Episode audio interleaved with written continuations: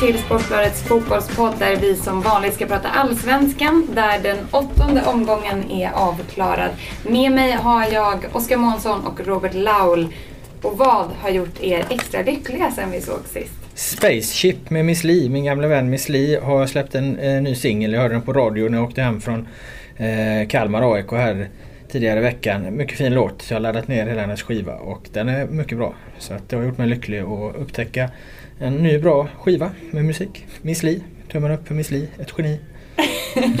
Oskar, har du några musikaliska genier i rockärmen? Nej, men jag tyckte det var intressant att du upptäckte en skiva med musik. Att du liksom särskilde den från alla andra skivor som finns. Eh, nej, jag blev, fan, jag blev glad nu bara för fem minuter sedan. När jag satt och slängde i mig en pasta här innan vi skulle köra igång. Och jag sa att du Amanda kom in med ett eh, djur efter på redaktionen. Ja, vi har ju eh, en gästartist med oss i podden idag. Herr Sigfrid heter han. En miniget eller vad fan Det hade ju förvisso varit jävligt underbart. Men nej, det är en hund faktiskt. Ja, det ser ut som en miniget. Men... Väldigt, väldigt lik en Som är med i studion någon, någonstans. Mm, han kanske kommer in på ett hörn eh, vad det lider om man inte håller med. Men annars är han rätt snäll faktiskt. Men jag tänkte att vi ska kasta oss på första ämnet direkt. För Oskar, du kommer ju direkt ifrån Djurgårdens presskonferens. Där de har hittat en ersättare till Magnus Persson redan. Berätta.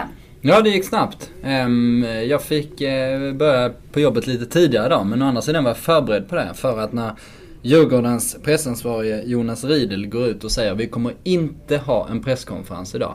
Då fattade jag att det var allvar. Nu var det att slänga sig in i duschen. För snart kommer de utlysa en, en presskonferens. Eh, Djurgårdens kommunikation funkar på det sättet nämligen. Av eh, någon anledning som jag inte förstår. Och vad tog det? En timme så utlyste de den här presskonferensen? Då... Ja. Så eh, då förstår jag att det var allvar. Men eh, där satt han i vart fall. Den glade, glade norrmannen. Mm. Per Mattias i ett dubbelnamn. Eh, och eh, gjorde ett eh, väldigt gott intryck får man säga. det är ju inte så lätt att kasta sig in i den här hetluften. Han är ju en väldigt erfaren tränare, en av de mest erfarna vi har i, Skandinavien. Alla kategorier med, med liksom meriter och framgångar på alla möjliga nivåer. Men ändå, han har ju inte haft någon erfarenhet av Stockholmsfotboll och komma in i det här läget och sånt liksom. Och, ja, ta den situationen. Vilket ja. han gjorde väldigt bra. Han var väldigt både tydlig och eh, konkret liksom förklarade eh, vad han vill, vem han var, vad han ville och dessutom var han jäkligt rolig också. Han skojar ganska friskt. Vilket vad är... tror ni det är som liksom lockat honom då? Alltså det tycker jag är, är 48 000 kronors frågan där. Det här är alltså en en 53-årig eh, tränare som tränade Tromsö fram till 2012. Eh, då la han tvärt av för att eh, koncentrera sig på sin familj och sina fotbollsstudier. Han studerar ju prestationskultur då vid universitetet i Tromsö. Han doktorerar ju då i, i eller ska doktorera i det här ämnet. Eh, lång och eh, gedigen karriär. Han har varit i alla områden inom fotboll egentligen. Han har haft damlandslaget som han vann OS-guld med. Han har haft ungdomslandslag. Eh, han har varit fotbollschef på norska fotbollsförbundet, alltså motsvarande roll som Lasse Richt då har. Han har varit tränare i Rosenborg, Norges enda storklubb. Så han har gjort en hel del. Han nämns ju dessutom som en eventuell efterträdare då till Egil Drill Olsen till, till hösten. Men jag förstår att, att han är ett av de namnen som sägs kunna ta över där då. Eh, så att den stora frågan är förstås vad fan gör han i Djurgården va? Och här tänkte jag då lansera eh, fyra olika teorier. Oj, då går jag ut, då går jag ut ett litet tag. Ja, men de går ganska snabbt. Den första, den första teorin då, då, där får vi ta vad han själv sa liksom på den här presskonferensen. Här säger han ju att han triggas eh, av Stockholmsfotbollen. Han finner den fascinerande. Plus att han och hans fru brukar alltid åka till Stockholm på vintern för att gå på julmarknaden i Gamla stan. Eh, det är då hans egen förklaring. Triggas av Stockholmsfotbollen och, och gillar Gamla stans eh, julmarknad. Eh, den andra teorin, eh, min egen, den är att det här handlar om pengar. En sån, här, eh, en sån här tränare på den här nivån i det läget när han egentligen liksom har tagit en paus från klubblagsfotbollen. Han kommer inte hit gratis utan det här är ett korttidskontrakt som han har fått bra med, med pröjs för. Den tredje teorin såg jag någonstans var några fans som spekulerade i och det slog mig liksom lite an på vad, vad Grönhagen sa där att de hade suttit uppe hela natten, alltså natten till idag då. Så att Eh, och diskuterat där och sen har de bestämt sig på morgonen. Så att eh, teorin där är ju helt enkelt att Grönhagen har supit ner den här stackars, stackars norrmannen. Och, och, i ett svagt ögonblick under natten har han liksom fått honom att krita på ett kontrakt där. Jag vet inte. Eh, Grönhagen är väl eh, eh norrifrån en bit i alla fall. Men såg han bakis ut Oskar, du som var Ja men det, igår, det, det, tyckte jag faktiskt att han gjorde. Va? Han såg, såg lite småsliten ut. Jag menar, och Grönhagen bekräftar då till och med att, att norrman har ju sovit över hos honom. Men ofta, det, alltså, det är inte så jävla vanligt liksom. När sover man över hos Det är när man blir för ja, för trött för att få orka ta sig till hotellrummet eller vad, vad nu kan tänkas vara. Rim, rim, rimligen borde de ju ha bokat ett hotell åt dem när de ska sitta och diskutera det. Men i alla fall, det var den tredje teorin. Eh, den fjärde teorin då, den är att eh, Eh, han, han, han, tar Djurgården i ett läge där han egentligen inte har så mycket att förlora. De ligger sist i tabellen. Eh, skulle, skulle de åka ur och han inte lyckas lyfta dem då är i alla fall inte han som har satt dem i den här situationen. Inte han som har byggt ihop laget och så vidare. Däremot eh, gör han resultat, vilket ändå finns ganska goda förutsättningar för. Vi har berört det tidigare att Djurgården har ju ändå ett, ett, ett lag som på pappret är mycket bättre än många av bottenkonkurrenterna. Då stärker han antagligen sina aktier enormt mycket för det här eventuella förbundskaptensjobbet i hösten. Och så på så sätt har ju han lite allt att vinna och kliva in här och inte särskilt mycket att förlora.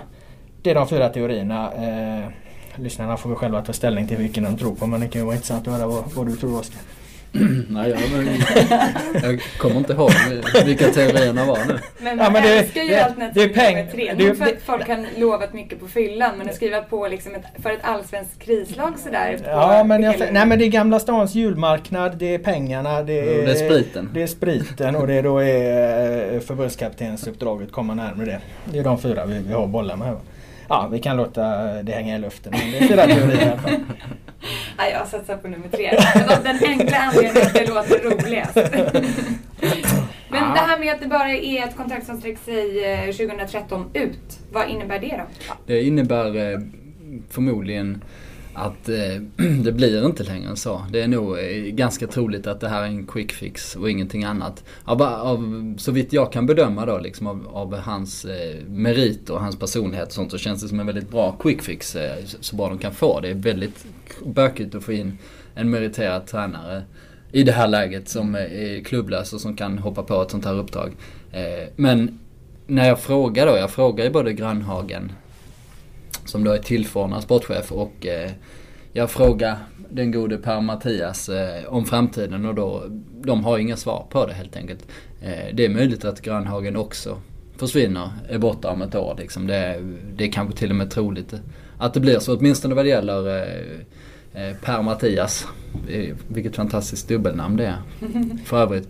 Eh, nej men, det, men jag, tror, jag tror att det är en, en quick fix helt enkelt. Och, Eh, jag kan inte se att han ska liksom ro något femårsprojekt i land eller något sånt. Och jag tror att han är väldigt sugen på den här norska förbundskaptensjobbet. Det verkar så på honom. När han fick frågan nu så sa han så svarar han när jag får den här frågan så brukar jag säga och sen svarar han något diplomatiskt då liksom. Mm. Men eh, mellan raderna förstår man att det lockar honom väldigt mycket. Och Drillo kommer väl då stuga av förmodligen inom ganska kort och eh, och då tror jag att han är sugen på att ta det jobbet som förmodligen är liksom det enda han saknar då inom den norska fotbollen. Ja, nej men det är klart att det är en quick fix här. Det verkar det är de öppna med också. Då. Det är ju 2013. De gör inga antydningar till att det ska, ska vara längre heller. Och då handlar det ju om att man kommer in i ett läge. Då är det ju kortsiktiga beslut. Eh, tuffa beslut ibland. Enbart tänka, tänka liksom för den här säsongen. Nu ska vi rädda det här kontraktet. Det är fullt fokus på det. Det är lite som Eh, det blir lite vibbar från AIK 2010, den här galne skotten där. Vad fan hette han nu då? Alex in? Miller. Alex Miller ja. Eh, han kom in och han tog en rad obekväma eh, beslut direkt. Han skickade iväg Bojan och och, och Mutumba därifrån. De fick in lite pengar. Värvade, värvade spelare för, för att lösa det här på kort sikt. Och I det fallet föll ju rätt väl ut för att de här spelarna blev ju fantastiskt bra. Det, det, det talar vi ju om, om de tog in Helge Danielsson då, han har ju gjort nytta efteråt. De tog in eh, Turina Bangura. Bangura, precis. Va? Så där, där föll det väldigt väl ut fastän det var kortsiktiga lösningar som de gjorde under det eh, sommartransfönstret. Grunden var ju det men det blev ju långsiktiga kanonvärvningar för dem. Så att det behöver inte vara negativt att man nu kommer in liksom och bara fokuserar på att rädda den här säsongen. Ibland faller det ju väl ut men det är klart att det innebär att Djurgården eh, till hösten eh, är kvar på på ruta ett liksom. Här, då, då kan de ju stå där utan vare sig sportchef eller tränare. Å andra sidan har de ju nu eh, tid på sig att liksom i bakgrunden jobba med parallella spår. Hur ska vår förening se ut? Hur ska den vara organiserad? Grönhagen antydde ju på presskonferensen att Sverige, kan, som han uttryckte det, Sverige kanske inte är moget för en managerroll. Att man gör om hela liksom, strukturen i, i, i, runt laget där hur, hur det ska styras och så. så att, eh, jag landar ändå i att utifrån liksom förutsättningar, bakgrunden så, så, så var det här en jävla intressant lösning på pappret. Sen ska kemin fungera och, och, och det ska bli resultat av det men eh, det kan man aldrig riktigt veta. Men eh, det är svårt att säga att nej, Djurgården borde gjort på ett annorlunda sätt. Alltså det är väl egentligen bara att ta, liksom, lyfta lite på kepsen och säga att fan, här, här har de gjort något som faktiskt ser intressant ut och ger en del eh, framtidstro. Men eh, man får inte bli för optimistisk. Eh, Högmo går ju kanske före fall. Men Oskar, du, den höll på att passera den eh, Oskar, du var lite inne på eh, gör om, gör rätt. Vad vill du se liksom att eh, man framförallt tar tag i nu Johan? Eh, ja, man får skjuta det på framtiden då som eh, du är inne på här Robban. Att, det långsiktiga arbetet kan man inte bry sig om nu men, men man kan ju konstatera att, att det långsiktiga arbetet har fallerat på så oerhört många plan vad det gäller det sportsliga i Djurgården. Eh, Magnus Persson kom in då efter ett, eh, vilket föregicks av ett fullständigt haveri eh, med helt obegripliga maktkamper me mellan personer i, i den sportsliga ledningen då som en av dem kunde sportchefen Stefan Alvén komma in och säga att Nej, jag tar inte ut laget alls. Men om det är någonting i tränarnas uttagning som jag inte gillar så har jag ett veto. Och då kan jag gå in och, och alltså sådana här märkliga liksom. Och så skulle de direktiven ändras Eh, från eh, vecka till vecka när det var som värst.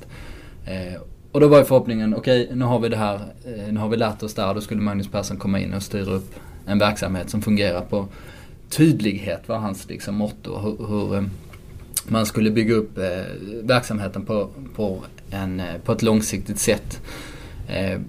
Och det gick ju inte något vidare vad det gäller det sportsliga och när vi tittar på truppen så går 11 av spelarnas kontrakt ut nu. Så det har ju bara varit en massa kortsiktiga lösningar. Det har varit 30 spelare som kommit in eh, under den här tiden och eh, fortfarande så är Djurgården eh, världsmästare kategorin att vara otydliga eh, i sin kommunikation.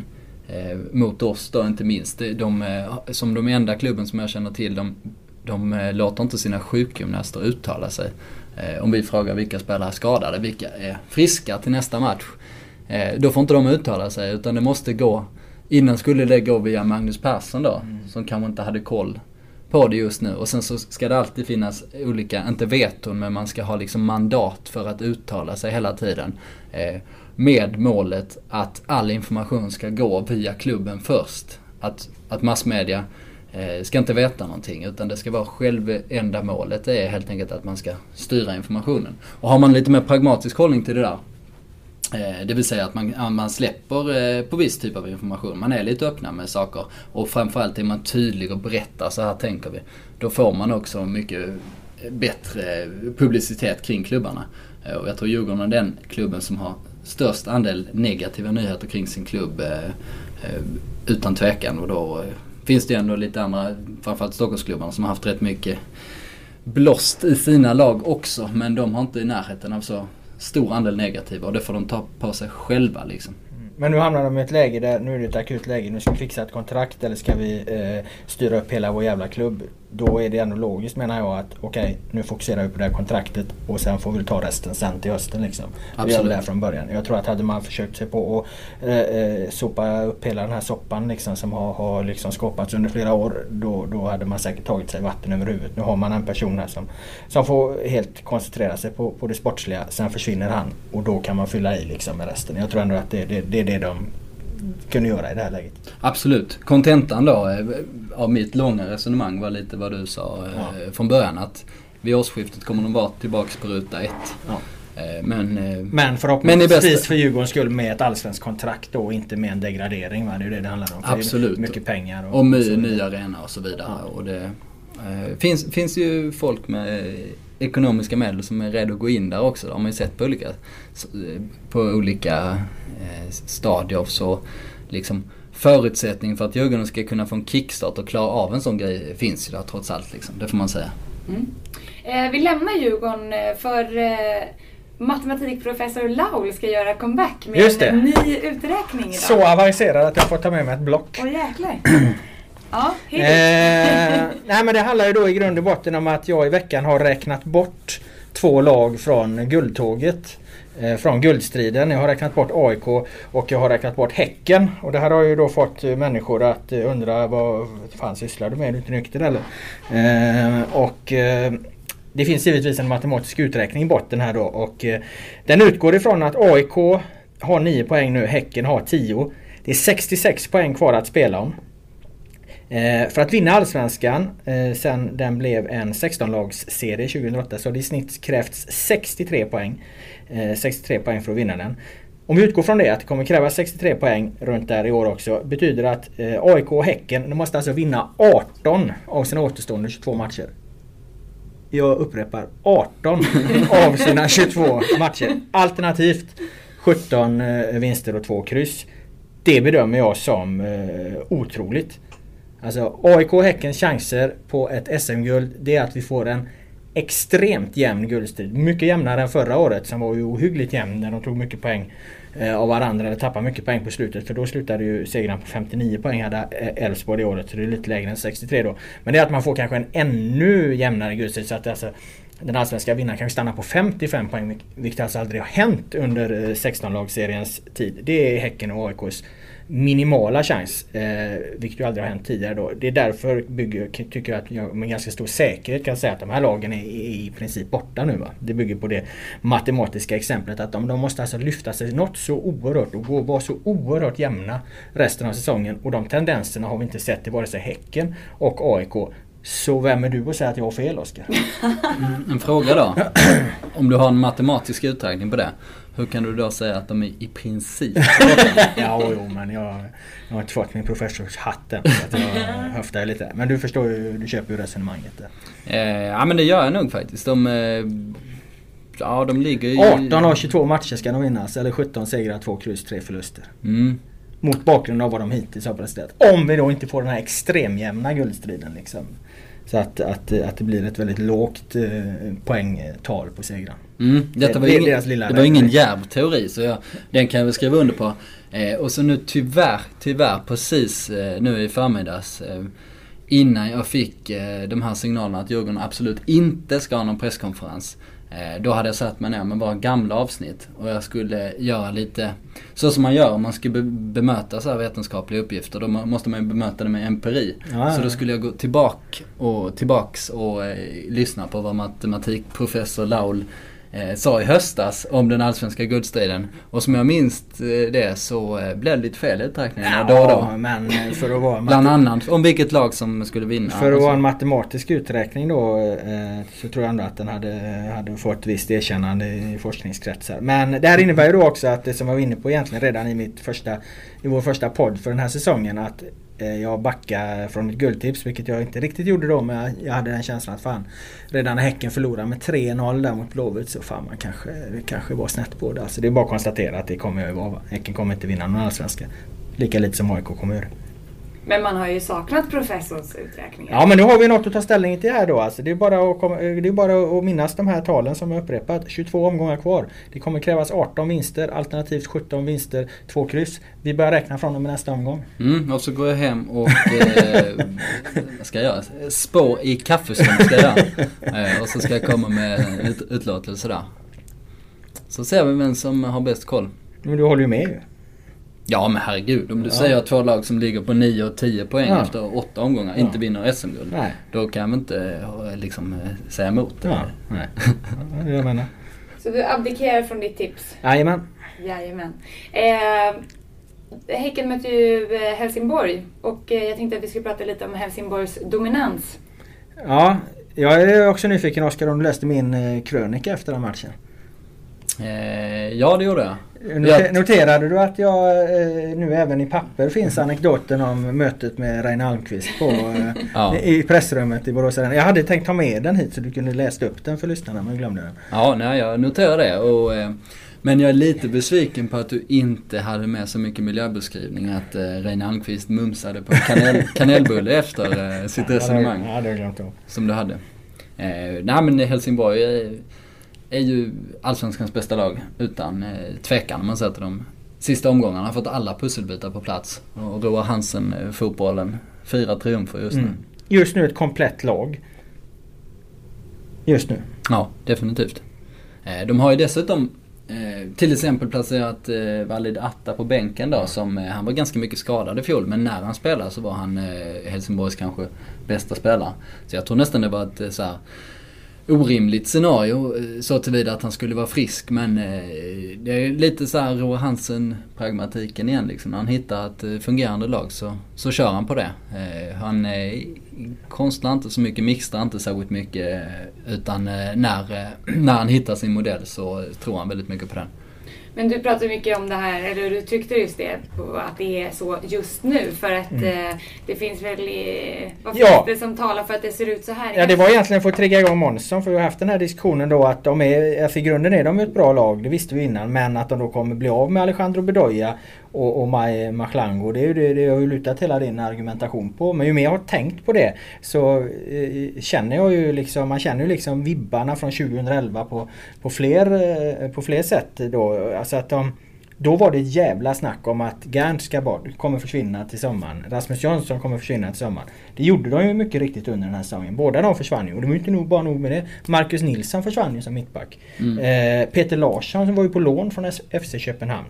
De tappade ju fyra gubbar där. Men poängskörden de hade tagit under, under våren och sommaren eh, i kombination med att de hade hyggliga ersättare i truppen. Inte jättebra ersättare och gjorde inte jättebra nyförvärv, eh, värvningar. Eh, utan de, de levde ju liksom på de här poängen de hade dratt ihop och, och, och någon slags liksom positiv eh, stort självförtroende. Så här. De, det fällde ju de inte. Va? Det skulle ju kunna bli samma sak nu även om de då tappar två, två viktiga pjäser i, i Bedoya och, och, och Malango. Det handlar ju lite om när de går också. Hur länge de, kan de vara kvar liksom eh, in på augusti?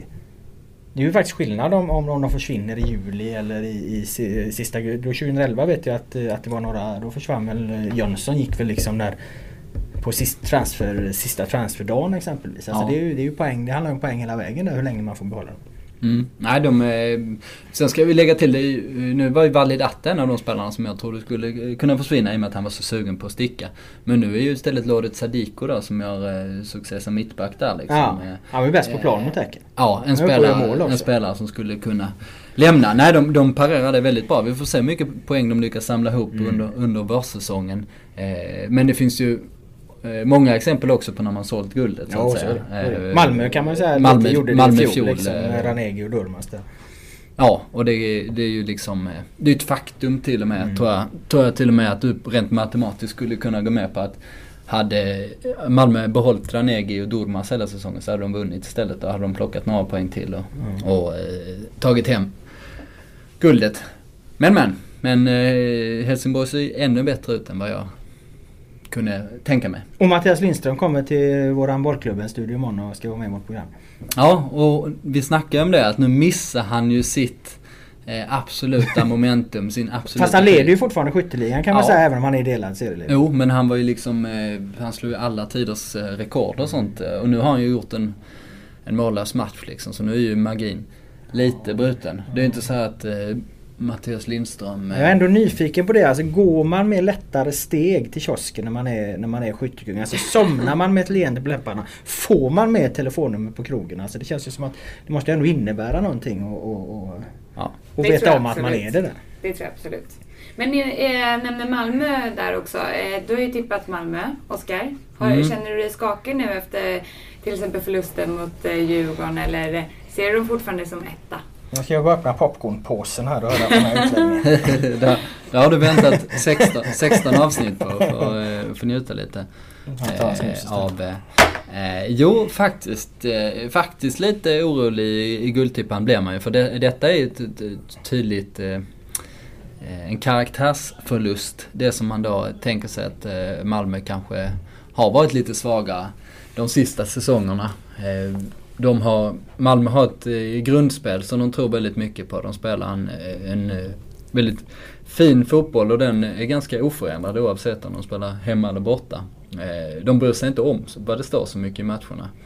De kör på för de tror så pass mycket på sin modell. Och det, och det har varit en styrka men det är ju också en svaghet i ett sånt här läge som Djurgården om man, om man leder mot 2-1 och dessutom har en man mer på banan mot ett sånt lag så, eh, så ska man ju kunna stänga en sån match eh, ganska enkelt. Eh, men där, är en del av förlusten tycker jag Rickard Norling får ta på sig. Som eh, faktiskt har coachat ganska illa i samtliga Malmös poängförluster den här säsongen.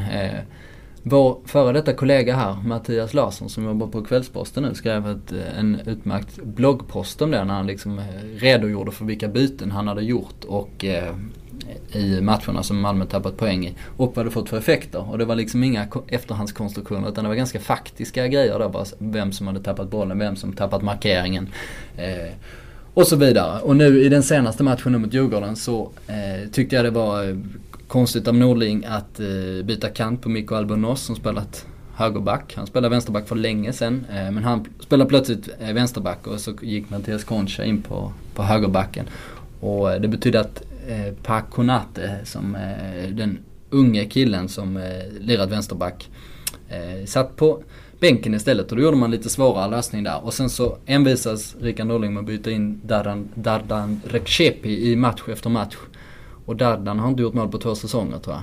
Han har spelat 50 allsvenska matcher och gjort tre mål. Eh, dessutom eh, helt och slag och, och kan inte liksom eh, håll, ta, ta emot bollen och vara någon targetspelare som ger laget lite eh, andhämtning när man eh, leder till exempel.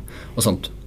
Eh, återigen skyller jag på eh, Djurgårdens eh, presskonferens eh, för att jag inte hann eh, gå igenom det här. Men det var ganska intressant så jag får rekommendera vår eh, konkurrent där istället att gå in och läsa på, eh, eh på Kvällsposten. Och eh, Mattias Larssons blogg så får man en, en bra sammanfattning på eh, ett fenomen som jag har tänkt på ganska mycket när jag sett Malmö. Att jag tycker Norling coachar illa. Möter ju Mjällby nu dessutom som eh, för fan har tagit fem raka segrar. Det tänkte jag på. Med, du pratade om tränare där. Dålig tränare då tycker du att Norling är eller dålig coach i alla fall.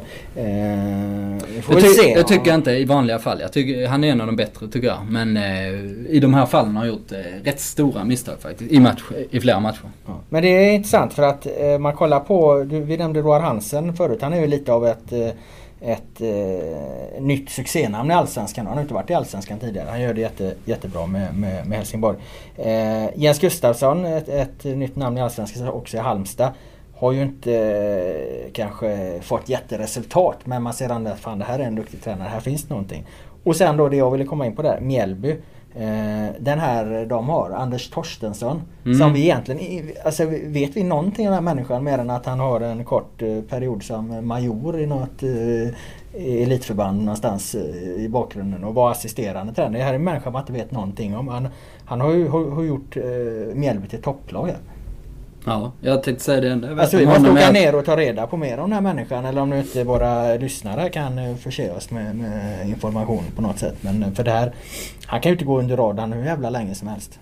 Nej, gammal militär som sagt. Eh, så det var ungefär det var vad, det, det, det var vad jag skulle säga. Det, det är vad man vet om eh, Vi ja. säger väl allt om en människa. Han har aldrig varit, ja. han har aldrig, nej, men han har aldrig varit, eh, haft huvudansvaret för något lag på någon vidare nivå. Han har spelat själv då, då men liksom inte, inte, absolut inte på den här nivån eh, varit första tränare och var ju en extrem budgetlösning då. De har inte råd att, att, att ha någon annan för de har så jävla lite pengar där. Och så gör han det här då. Eh, det måste vi liksom gräva, gräva i detta. Den här människan, vad fan han, fan han har under naglarna. Till nästa podd så kommer vi med en, ett personporträtt ett militärspecial. Nej, men eh, nu har du hyllat några tränare. Oskar, du vill ju såga några. Du har börjat med Norling. Var det någon mer där som du tyckte var eh, ja, Norling kan, förtjänt av lite ris? Norling kan man säga. Ja, men det är just den här eh, bristen på kontinuitet i coachningen. När man börjar eh, försöka på sig eh, quick fixes i eh, matcher som man kanske får utdelning en gång av tre men de andra två, två av tre gångerna så eh, går det Men Alm kan man väl såga lite. Jag menar jag var ju på Kalmar där. Vad, vad, vad, alltså, vad gör Alm? Jo, eh, de, eh, de har ju enorma problem där på centralt mittfält. Eftersom de har flyttat upp Celso Borges i kedjan för att ersätta när Henok Goitom inte kan spela. Det i sig kan jag tycka är en ganska bra nödlösning att, att få upp Borges där för att Eh, Eh, de behöver folk med lite spelförståelse där uppe. Kenny du springer mest och, och får runt. Eh, men då kan man inte, kan man inte göra så mot ett Kalmar som spelar med tre centrala innermittfält att man försöker spela sig igenom mittfältet hela vägen. Men jag vet inte om det, om det var spelarna som fick hjärnsläpp eller om, om det var Alms direktiv som brast. Men det blir i alla fall en väldigt, eh, väldigt eh, konstigt sätt att, att, att spela när man har sin bästa centrala innermittfältare. Han, han finns inte där utan han är, han är högre upp. Va? Då kanske man mycket oftare får söka en längre boll. Nu blev det ju katastrofala insatser från både Helge Danielsson och, och, och Ibrahim Moro då. Eh, men det handlar också Alm lite om... haft många frågetecken. Ja, och vi har ju hackat på honom tidigare. Jag måste bara berätta om Moro, det här är fantastiskt. Eh, han gör alltså... Han gör sin, efter 28 minuter slår han sin tredje felpassning på egen planhalva. Grov felpassning, sidledspassning som Kalmar kan bryta. Den här tredje gången, 28 minuten, då tar han alltså inte ett steg ens för, liksom, för att reparera sitt misstag utan han ser ganska uppgiven ut. Eh, då tittar jag direkt på bänken. Andreas Alm, han vänder sig om till Viktor Lundberg, pekar, signalerar upp, värm. Och jag fattar ju det här, det här ska komma ett byte liksom. Bytet kommer 10 minuter senare twittrar och skriver så här att ja, Ibrahim Moro utbytt för, för bedrövliga, eh, en bedrövlig insats liksom. Lundberg in, Borgis ner. Då får jag ju massa människor som reagerar på det här då. Nej, nej, nej. På, på Simor då, då har de sagt att, eh, att Ibrahim Moro är skadad. För att när Ibrahim Moro har, har eh, förstått vad det barkar, att Lundberg värmer upp, att han är helt oduglig och att han ska bli utbytt. Och han tydligen vid ett tillfälle signalerat för byte, va? att han har gjort illa sig. Han är inte det minsta skadad. Han är utbytt för prestationen. Men det här fick jag ju driva ett mindre krig då mot folk på Twitter som, som vi trodde stenhårt på, på Simon. Så jag var nere och tog Jonas Dahlqvist i örat och frågade i pausen där, va? så är det verkligen så här, han skadad? Nej men då visste de inte riktigt efteråt på presskonferensen så säger ju Alm, ja han, han klagar på att han hade ont men det var inte därför han blev utbytt utan det var ju för prestationen. Vi tappade för mycket boll på mittfältet. Det var en rolig eh, incident. Det var ganska smart av Moro att försöka liksom mörka det här med att, att han egentligen var skadad va? när, han, när han i själva verket blir, blir utbytt för att han är för dålig. Och allt hade ju, han hade fått igenom det här om det inte suttit en vetenskapsman. eh, disco på Expressen noterar exakt samma sak så det var ju vi två mot världen då. Ah, okay. Professorn och en discodansare alltså. ja, exakt. Mm. Så var det. Men... Eh, en liten avstickare. Av de som har misslyckats mest den här säsongen så är det de som har haft minst kontinuitet. Magnus Persson är allra högst upp på den listan som har eh, helt orimligt eh, rotationssystem då som, eh, som vi alla vet vad det ledde till. Och nu har faktiskt Öster som är berömt så mycket, de har ju förlorat fyra matcher på raken här. Och nu senaste matchen så bytte tränaren Andreas Thomsson ut tre av fyra spelare i backlinjen. Faktiskt. Och, eh, vilket resulterade i 0-1 hemma mot Åtvidaberg. Dessutom en match mot Åtvidaberg eh, dominerar ganska stort åtminstone att döma av eh, statistiken. Så jag tycker det där, eh, det har återkommit ganska mycket. Att så fort eh, tränare försöker på sig kreativa, hastiga, impulsiva lösningar så har det fått liksom, eh, ja det har gått eh, käpprätt mer eller mindre. Helsingborg och Göteborg är exempel på motsatsen kan man säga. De har i princip hållit fast vid sina lag där. Roar Hansen har gjort några smärre justeringar. Han har eh, haft Akam ibland på kanten eh, och testat honom lite eh, som, som anfallare emellanåt. Men nu är han tillbaka på kanten igen med Doja centralt. Så att nu fungerar det bra mot Häcken. Eh, Göteborg har i princip hållit fast vid sitt lag. Det är ute på högersidan de inte har hittat något, något riktigt riktigt alternativ. Nu spelar de med Sobralense där senast mot Halmstad. De vann med 1-0. De har tidigare testat Gersic, de har testat Salomonsson. Sobralense fungerade väl, väl sådär. Men det är uppenbart att det är en, det är en position där de där de inte känner sig helt nöjda med vad, vad, vad, vad, vad som har presterats hittills. Det är nästan så att Salomonsson har gjort de bästa insatserna där men det är inte så Star vill spela utan han vill ju ha en spelare som mer kommer in i planen. Han vill ju ha en fungerande Gerzic, en fungerande Sobralense men frågan är fan om Salomonsson med den begränsade fotbollsspelare han ändå är inte har varit den som har lyckats bäst. Till skillnad mot i fjol då. Det är klart man kan diskutera vad som är hönan och vad som är ägget i, den, i det här fallet. Att om det går bra så är det lätt att behålla en kontinuitet. Om det går mm. dåligt så mixtrar man. Så Såklart. Men, eh, men symptomet finns där och i IFK Göteborgs eh, fall eh, så kan man ju också dra en parallell till fjolåret där. Där de där mycket större försökte liksom hitta en modell som han inte riktigt bottnade i själv. Liksom. Han ville motsvara förväntningarna på alla de här eh, eh, dyra nyförvärven och få in dem i samma lag. Liksom. Han ville ju allt på en gång som han träffsäkert uttryckte det när vi hade han på besök här i vår bollklubb. Ja. Jag tror det handlar mycket om det. Att han liksom kliver in där med alla möjligheter, och alla valmöjligheter och olika spelare. Så liksom, och nu ska det här fungera på en gång liksom, istället för kanske att börja börja med grunderna och ta det vidare därifrån. Och det var han självkritisk nog att konstatera. Det var inte så muntert i, i Blåvitt-lägret efter eh, AIK-förlusten. Hur, skulle ni, eller hur tror ni att det är där nu? Eh, ja men eh, de vann ju där mot Halmstad ja. med, med 1-0. Ja det var så du menade. Ja. Eh, ja det var muntrare förstås. Men däremot tror jag inte det var så jävla muntert då för de kände nog att fan alltså. Eh, är vi inte bättre? Mm. Det var i alla fall vad jag kände. Eh, Blåvitt får den här matchen lite till skänks. Eh, jag berömde Jens Gustafsson, tränare i Halmstad där och, och, och, det kommer jag göra i slutändan av det här resonemanget. Men det börjar liksom med att konstatera att den startelva som han ställde på benen mot Blåvitt med, med ett eh, innermittfältspar där med eh, med Andreas Landgren och, ska vi se om jag hinner bläddra fram han i min bok för jag glömt av vad han heter. Eh, Antonio Rojas. Just det, Antonio Rojas, centralt mittfältspar. Där har du två spelare som bara gick framåt. Ingen som helst backspegel. Blåvitt spelade den här matchen med Robin Söder. Robin Söder gjorde sin bästa match jag sett han göra på fyra år. Det var kul att se att Robin Söder är tillbaka. Men han fick väldigt, väldigt mycket ytor mellan Halmstads innermittfältspar som bara tittar framåt och Halmstads backlinje. Och det där Blåvitt grundlägger eh, en bra första halvlek. De grundlägger sina chanser och de gör, gör även sitt mål på det sättet. Eh, vad Jens Gustafsson gör i paus då det är att han flyttar in Kristoffer Fagerkrans från vänsterkanten. Ut med Rojas, eh, in med någon annan på, på kanten liksom. Kristoffer Fagerkrans har lite mer backspegel, tar den balanserande rollen. Eh, nu ringer det. snabbt av. Han tar den balanserande rollen och där dödar man helt Göteborgs spel. Eh, de, efter det, Kalmar äger matchen i andra halvlek. Men enkel taktisk justering lyckas han svänga allt där och det här har Blåvitt inga vapen på. Stare försöker, han byter ut Söder, kommer in med David Moberg Karlsson. Eh, och, och, han gör även ett, ett byte på, på tar ut Sam Larsson och det är inte mycket kreativitet kvar och man lyckas knappt liksom lyckas skapa en del eh, omställningslägen men klarar inte att stänga den här matchen. Det Blåvitt kan vara lyckliga över däremot det är att defensiven fungerar. De släpper, eh, Kalmar har egentligen, eller Halmstad har egentligen inga farliga kvitteringschanser så det kan de möjligen vara glada för. Men där och då blir de faktiskt serieledare. Då tycker jag man har rätt att ställa betydligt högre krav på dem än, än som den här matchen utvecklar sig. Mm. Eh, ska vi lämna Blåvitt? Kan vi mm. eh, För att eh, du har ju faktiskt utlyst en Kalmar special Laul. Och ja. jag vet inte om Kalmarfansen ska egentligen jubla över det här. För att det har ju faktiskt visat sig att det är inte alls bra att få en special, eh, specialare här i Nej så är det ju. Alltså, vi har ju haft Gävle special då. Va? Gävle fick ju stryk mot 4-1 mot BP här nu. Och, senaste specialen vi hade det var ju Syrianska. Efter de hade gjort en bra match mot Helsingborg. Nu fick ju de stryk mot Mjällby då med 4-1. Så att jag menar... Jag har ett citat som ringer mina öron där. Eh, apropå Syrianska. Fan vad bra de är.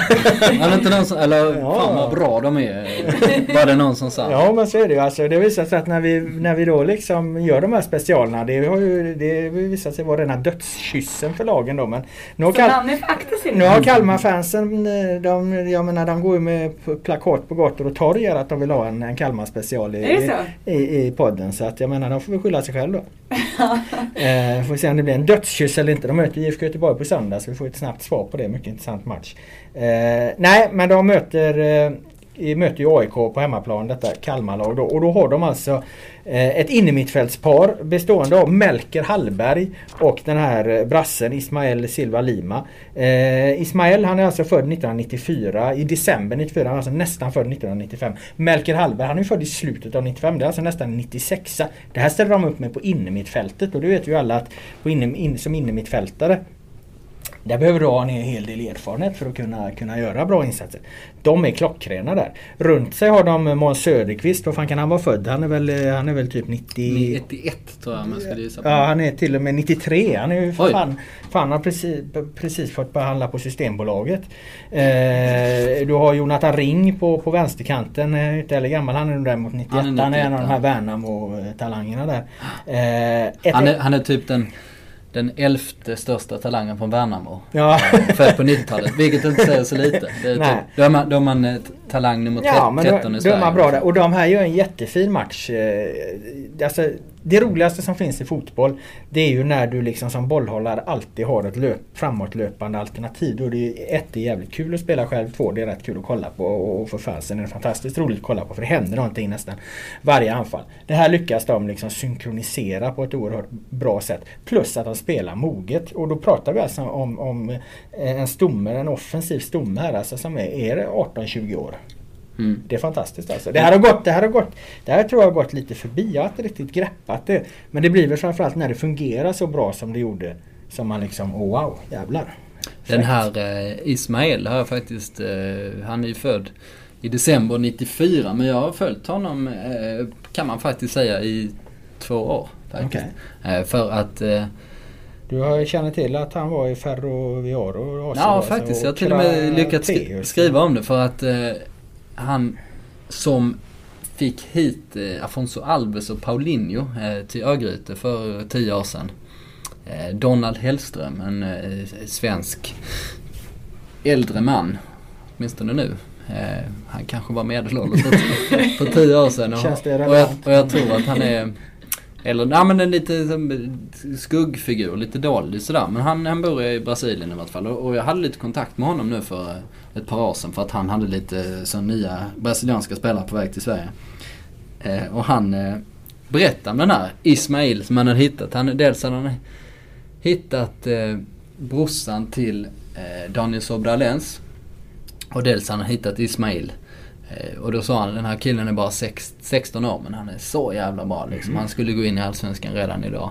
Eh, och då fixade han ett provspel till honom eh, först med, han försökte med IFK Göteborg. Men de tackade nej då till sist. De ville, ville inte det här. Och sen så till sist blev det ett provspel med Geis där de kunde träna ett tag. Men och Donald då, han, liksom, han såg väl sina möjligheter att tjäna pengar på det här. Så han investerade att han betalade hela resan och mm. provspelet och så vidare. Liksom, klubben behövde inte göra någonting. Men, men i Gais Eh, så tror jag att det blev så att han liksom fick träna med U21-laget sånt så de tog väl inte honom riktigt på allvar då. Mm. Men sen på omvägar han hamnat i Kalmar då mm. som, som vågat ta eh, brassechansen då så att säga. Och eh, ja, det kommer ju betala sig. Eller det har ju redan betalat sig då. Ja, jag menar de knäckte ju AIKs mittfält där i den här matchen till exempel. Han och, och Hallberg. Hallberg, Mäktiga Hallberg spelar ju centralt tillsammans med den här då Ismail. Eh, nej, mycket imponerande. Mm, du sa apropå det här med att eh, man eh, behöver lite rutin på innermittfältet. Eh, du tog dem upp, eh, återigen Jonas Dahlqvist får vi nämna det, men han frågade Nanne eh, om det för jag kollade på matchen på TV. Ja, ja. Eh, och då sa eh, Nanne att att ja men de behöver erfarenhet enkelt och då behöver de den här typen av matcher liksom. Mm. För jag tror på dem i långa loppet. Så. Mm. Så då valde han Men det är ju något Nanne har ändrat också. Jag menar han, han fick ju schavottera i lokalpressen här mellan säsongerna. Han var ju satt under hård kritik från de skarpa pennorna på Barometern där. Eh, berättigad kritik då. Annars hade han inte behövt gå ut liksom och backa. Eh, att han, han har varit för resultatorienterad tidigare och så här att han har växt. Återigen det du var inne på att han har laborerat något enormt. Han var väl den liksom tränaren. Han ändrade något fruktansvärt eh, mycket i, i fjol va.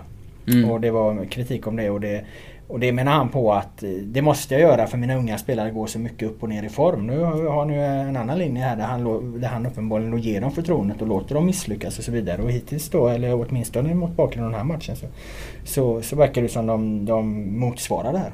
En positiv grej då med Nanne, om han har vacklat med sin kontinuitet de sista åren, det var ju att han gick ut här för två eller tre säsonger sen och då sa han att eh, framtidens fotboll kommer att spelas utan anfall. Utan anfall alltså. mm. eh, och liksom det var ett inlägg i debatten och sen så när man tittar på hur Kalmar spelar, de spelar i princip utan anfall. Mm. Och då, eh, det tror jag de skarpa pennorna på barometern, de, eh, de, de kliar sig nog lite i ansiktet. Eh, de, vad var det Zlatan brukar säga? De lyfte pennan långsamt från blocket och sen till sist så käkade de upp pennan. Eh, lite, lite så tror jag, men eh, sen om vi tittar på Spaniens spelare så har ju, mm. och många av de bästa klubblagen, så, så spelar man med en falsk nia och utan anfall i många fall. Ja, men Nanne var inte först med det. Den fällan gick jag i någon gång när vi hade bollklubben där. Kommer du ihåg det? Fan var det vi pratade mm. om då? då? Då var det någon som kom in på det att Eh, ja, så var han ju tidig, tidig med, med det här att tro på, på en fotboll utan anfallare. Jaha, var det Nanne Bergstrand? Nej, då var det något stort eh, tränarnamn då. Nu minns jag inte riktigt vem det var va? Som hade lanserat den här teorin för rätt länge sedan. Typ. Nan- Om det Nanne var, var inte- Zagallo 58 eller men, när- vem det var. Men det var länge sedan i alla fall. Liksom, att, Nej, Na- Nanne var ju säkerligen... han kan ha varit först i Sverige. Ja, och han var ju åtminstone om man tar tränare av hans skrå. Jag tror inte Tom Prahl skulle komma och säga att eh, nu, nu spelar vi utan anfallare nästa match. Nej, framförallt inte Lagerbäck som driver ett korståg mot, eh, till och med mot att spela med en anfallare. Han vill ha två anfallare. Mm. Jag är i och för sig också traditionalist där. Jag gillar ju att spela med två anfallare. Det, det, Men du Det vill vara en av dem? ja, jo, det är större chans till speltid då. Ja, men det var ju tråkigt att det var slut på roliga för de unga talangerna nu om vi ska tro vår trend. Det kommer ju gå åt helvete för Kalmar nu efter den här specialen. Ja just det, nu går det åt helvete på söndag då mot IFK Göteborg där. Får de stryk med 3-0 då eftersom vi har delat ut dödskyssen här lägligt. Precis. Eh, vi brukar ju traditionsenligt avsluta den här podden med Mattias Lindström eftersom att han har varit så en otippad målgörare. Men nu har han slutat göra mål, då får han inte vara med längre. Han kommer till ska vi- bollklubben imorgon har vi sagt det. Ja, det gör han. Ja. Eh, men vi ska istället eh, fokusera på Oscars eh, favorit, eh, Christian Heinz, som gjorde tre mål i helgen mot Syrianska. Ja, jag sitter alltså på Kalmarläktaren där och ser Kalmar AIK och det plingar till Christian Heinz, Christian Heinz, Christian Heinz. Jag kan inte tänka på något annat än Oskar Månsson. Du tror att det är Oscar som har fipplat in sig på Ja, det- alltså, det resultattavlan? skulle inte förvåna mig. Ja, Berätta om din kärlek till den här nu mannen. sliter matematikprofessorn sig kvar. Nej, nej, jag har inget emot Christian Heinz. Christian Heinz, bara- sex mål, liksom, det går inte att räkna ut med någon matematisk formel och det gått till. De är rätt oväntade de, den skytteliga, eh, vad fan hur många är det? Det är fyra då. Kabir hade man räknat med. Han ligger där på sex mål. Det kunde man ju, han var ännu mer försnacket. va. Sen har vi alltså Lindström, Heinz och uh, Simovic.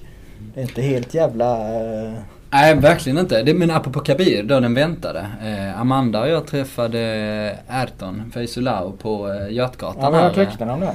Eh, Och där stod han och knaprade på en påse med ballerina. Ja. Det var väldigt märkligt. Jag tror till och med han hade, eller var det en ballerinarulle han hade? Men Nej, nej, nej. Tre stycken. Tre stycken var det va? Ja det var det, jag, då sa jag inte fel. Han hade tre stycken balleriner. Han hade precis lämnat in sin bil. Han väntade på att Amadou Jabo, som förmodligen kört fel för han var sen, skulle komma och hämta honom. Och sen eh, stod vi och snackade med honom där och då droppade han ju en liten eh, nyhet där. Eh, att eh, Mustafa El Kabir var lite aktuell för Djurgården i vintras. Jaha. Djur- Djurgården försökte värva honom. Det blev inte så, det föll väl på ekonomin eller vad han sa. Jaha, men då hade vi nog ritat om kartan om, om El Kabir och Erton spelat på topp i Djurgården så tror jag inte vi hade suttit i den här situationen och pratat om eh, norrmän vars hund heter Figo för övrigt. Det berätt, berättade han också. Eh, Döpt efter Louis Figo också. Då- Tillade han. då, då hade han det varit eh, lite annat läge tror jag. I- Men det var, jag trodde det du var skulle väl dra Christian storyn, Heinz. jag trodde du skulle dra storyn om vad, vad eh, Erton med sa. Men Ja, han han kanske, droppade ju en hel del eh, på den där gatan. Varför han hade sagt upp sitt Instagramkonto och allt vad fan det var. Ja, El Kabir ja. ja. ja. men vi trodde ju att eh, efter eh, bollklubben-inslaget med El Kabirs eh, bara överkropp Ja, att han hade sagt upp sitt Instagramkonto på grund av oss. Ja, just det. Men så var inte fallet. Nej. Det var någon svartsjuk flickvän. Det kändes väldigt lättande. Man vill ju inte vara anledningen till att folk lägger ner sina sociala medier. Nej, det var tydligen ett, ett stormigt förhållande också. Ja, det var det jag trodde du skulle komma in, komma in på där. Nej, nu vill jag prata om Christian Heinz. ja, berätta nu om Jag vet faktiskt inte hur det blev att han kom att bli min favoritspelare. Eh, vi får kanske backtracka det för att eh, vi bara noterar honom. Jag, av någon anledning så pratar jag mycket om honom. Eh, och sen har allt det här hänt då. Men eh, det finns en Christian Heinz anekdot som jag tänkte dra för, dra för er. Eh, att eh, när Christian Heinz var en ung Malmöpåg så spelade han i MFF där i juniorlaget. Och då var det han och Tony Flygare som spelade på topp tillsammans. Och på bänken satt Zlatan. Så han, eh, Christian Heinz är en av Han få. också petat Zlatan alltså. Han har eh, gjort det. Den här storyn handlar ju alltid enbart om att det var Tony Flygare liksom som var en större talang. Men eh, nu visade det sig då att även Christian Heinz var en större talang än Zlatan. Ja, sen var ju Christian Heinz ett, är Christian Heinz ett, ett år äldre än Zlatan. Så sånt kan ju ha viss eh, påverkan i och för sig. Eh, I de åldrarna möjligtvis. Jag tänker en rubrik här nu. Han var större talang än Zlatan men sedan var liksom, om vi ska sätta den rubriken, vad liksom, vad hände? Ja, Jag vet inte riktigt.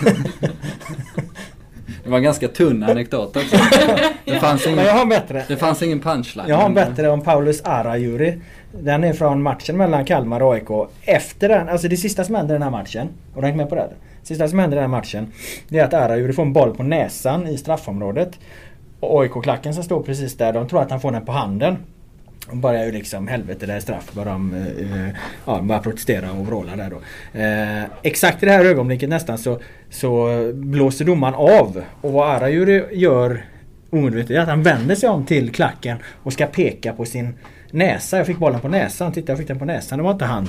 Eh, då, eftersom det här sker exakt anslutning till eh, domarens slutsignal så tror hela AIK-klacken att han vänder sig om och, liksom, och firar segern. Så de blir ännu argare liksom. De står ju liksom och och kasta päron. Ja, nej men det gjorde de du. De eh, höll sig någorlunda lugna. Men de är upprörda, uppeldade liksom. och och eh, Arajuri han, eh, jag vet inte exakt hur han tänker men han tänker okej, jag går dit och Mm. säger till dem att nej nej, jag firade inte heller utan jag ville bara visa att jag att jag fick bollen på näsan. Så han knallar ju fram då till klacken jag tänker, vad helvete, vad, vad, vad gör han liksom? Eh, och får ju då en dusch öl till svar och, och lite skräp och, och allt vad det var. Så han får ju jogga därifrån då.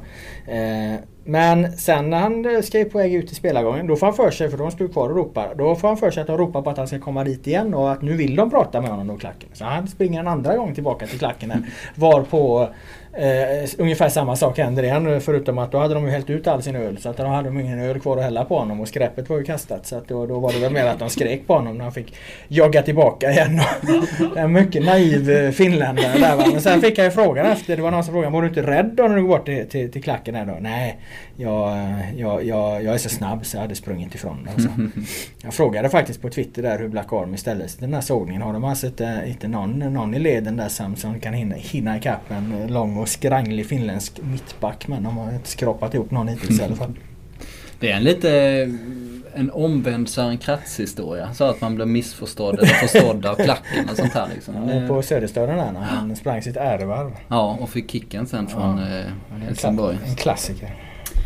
Men om inte minigeten herr Sigfrid har någonting att har tillägga då? somnat en slur. Vad tyst eh, Ja, han... Sigge har varit. Sigge! Nej. Han sover som en sten. Ja. Men en gästartist är ändå en gästartist även om de inte säger någonting. Det var trevligt att ha honom med. Mm. Eh, vi rundar av för idag. Yes. Tack för att ni var med. Och Tack, eh, tack. Sportbladets fotbollspodd är såklart tillbaka igen nästa vecka.